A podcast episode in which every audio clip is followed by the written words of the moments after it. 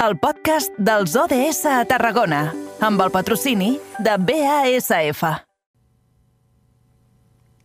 Passen 6 minuts del punt de les 6 de la tarda.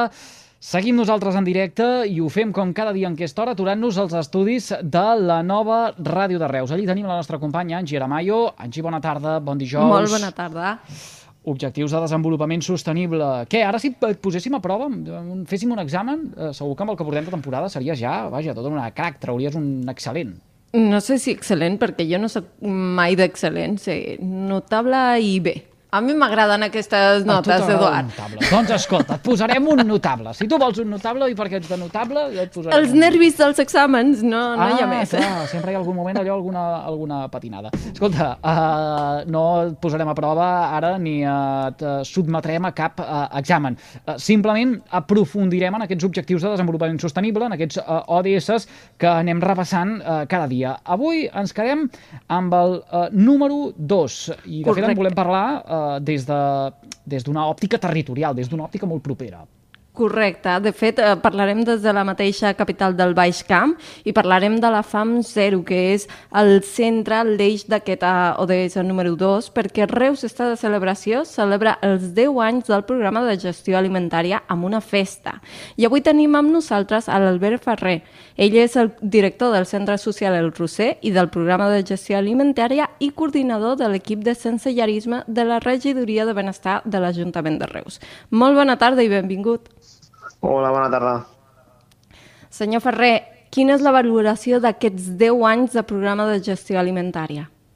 Bueno, doncs la valoració no pot ser altra que positiva, perquè estem recuperant, portem 10 anys d'existència i anem creixent any rere any. Eh, Les empreses que fan la donació no estan abandonant el programa, sinó que anem sumant empreses i, per tant, la valoració és positiva. Uh -huh. Per a qui no ho sàpiga encara, per què serveix un programa com aquest?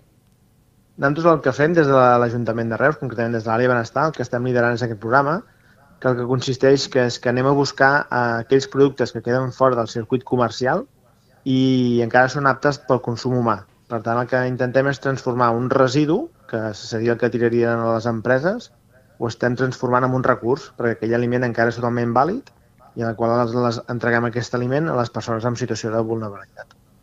Mm. Senyor Ferrer, eh, en parlem moltíssim eh, de no malbaratar aquests productes alimentaris, eh, però malgrat fer aquest munt de pedagogia, eh, ho hem dit mil i una vegades nosaltres aquí en aquest eh, programa, ostres, ens trobem encara que la, la gent ja, ja no sé el cas de les grans superfícies, això ara ens ho diran vostès, però que la gent no és conscient realment eh, que estem llançant eh, tant de menjar. Com s'explica això? És, és difícil de concebre. Una mica sí, no? A vegades és que ens costa a planificar una mica la compra, doncs això fa que no que hem d'encertar-la de, i hem de tirar menjar. Després també el tema de les dates de consum preferent i les dates de caducitat, que a vegades confonem una data de consum preferent amb una data de caducitat i, i és diferent. Depèn de quin tipus de producte, com per exemple el iogurt, tot i que superi la data que hi ha a la tapa del iogurt, encara tenim per exemple 15 dies per consumir-lo. El mateix passa amb les llets o altres productes. Uh -huh. De fet, també hi ha aquesta segona part de uh, els aliments que no es troben en el primer circuit alimentari encara tenen temps uh, per poder-los menjar, no? Que queden en el segon Exacte. circuit comercial.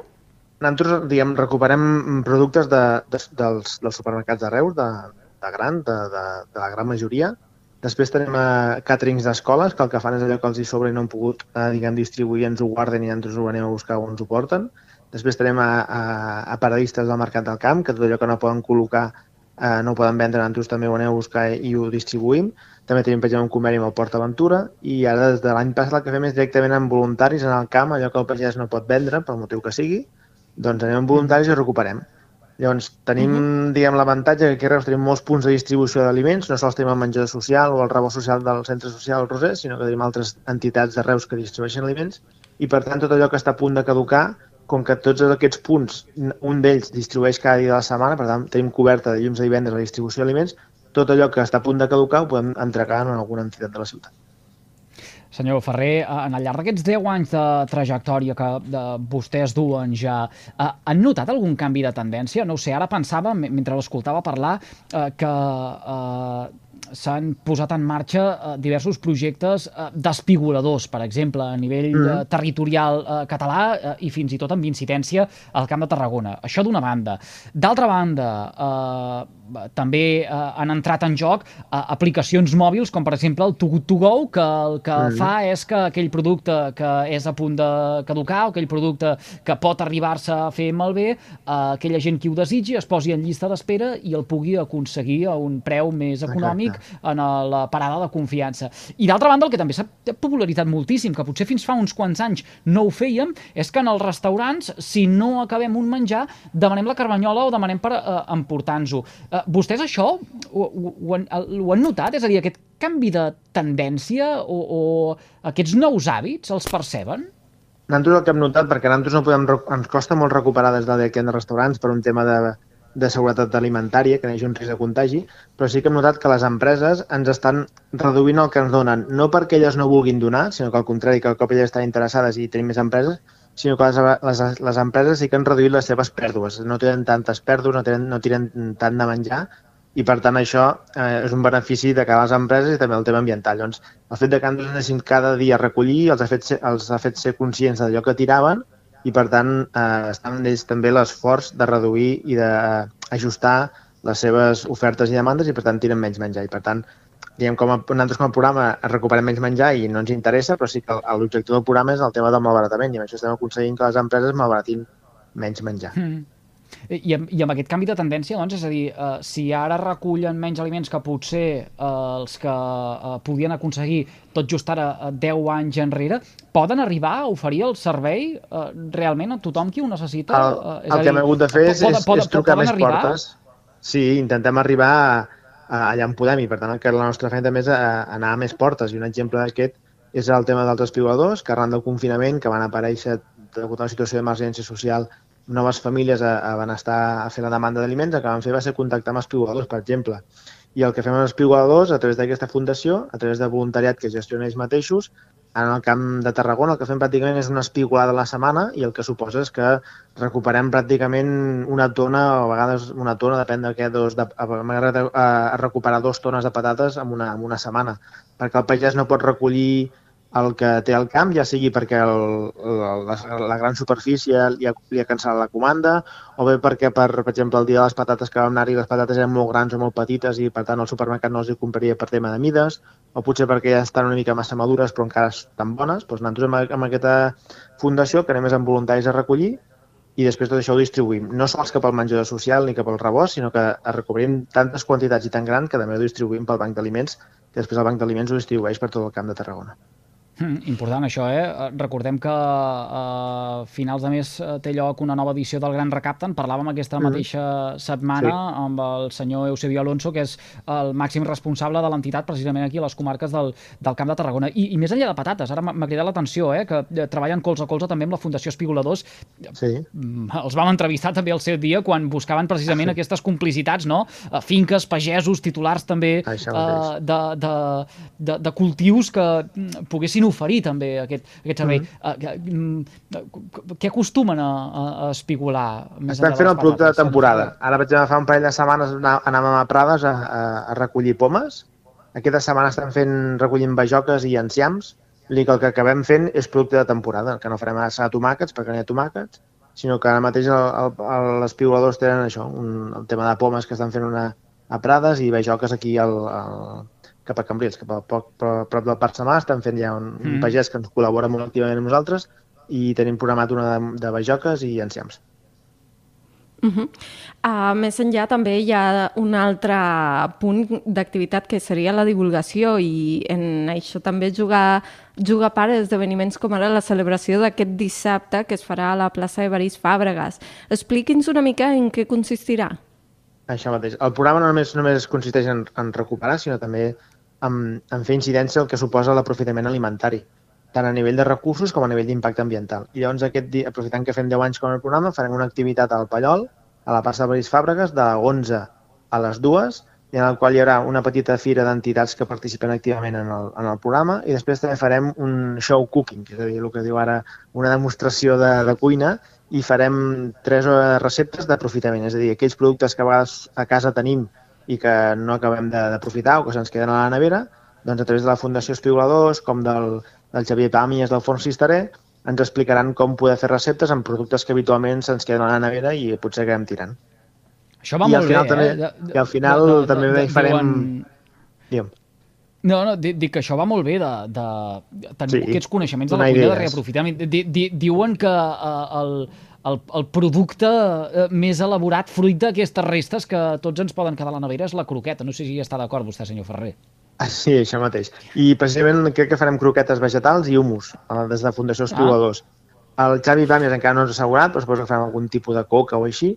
I després també el que farem, que m'he deixat de comentar-vos, que a partir de la una més o menys el que farem serà entrega gratuïta d'una crema de carbassa, perquè des de la Fundació Espigoladors tenim, recuperem moltes carabasses i tenim capacitat per fer crema de carbassa i per tant el que farem també serà una entrega eh, gratuïta de crema de carbassa recuperada concretament des de la Fundació Espigoladors farem entrega de carbasses, de crema de carbassa.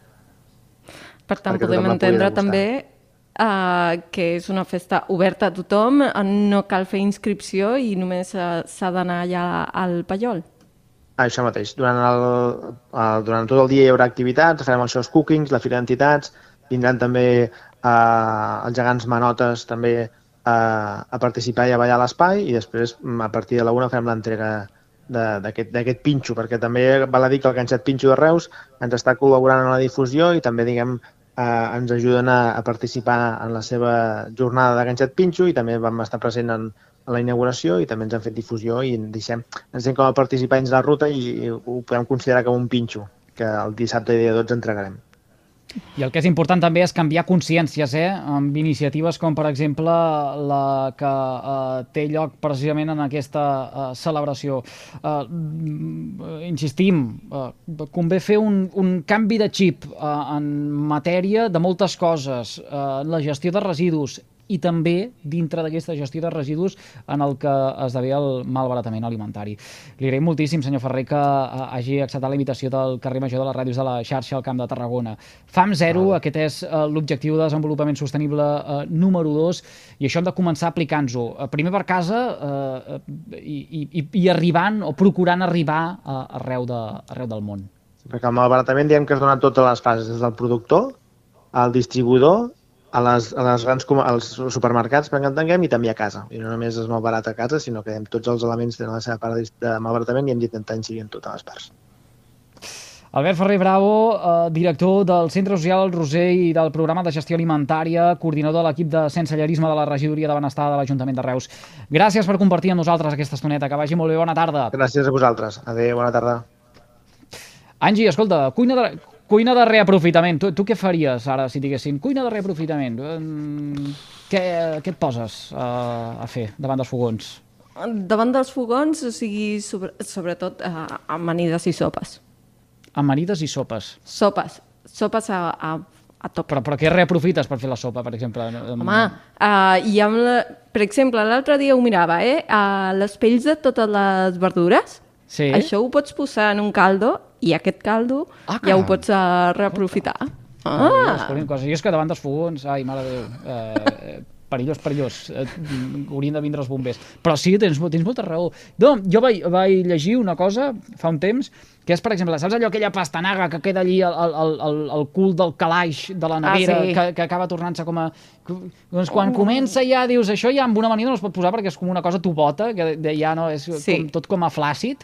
Uh, amb, tenir una bossa al congelador i anar posant tot aquest munt de coses, o aquell tros de, que no t'acabes d'un d'un De la àpid, ceba, o del per que exemple, sigui, també. o de la ceba, agafes el congelador i el dia que hagis de fer això, el, el, el brou que sigui, doncs tot cap dintre l'olla. No? Seria I quedarà boníssim. I si li poses un os, també... Això és per- molt d'àvia, eh? L'os del pernil, aquí, cuina de reaprofitament, cuina de, de reaprofitament.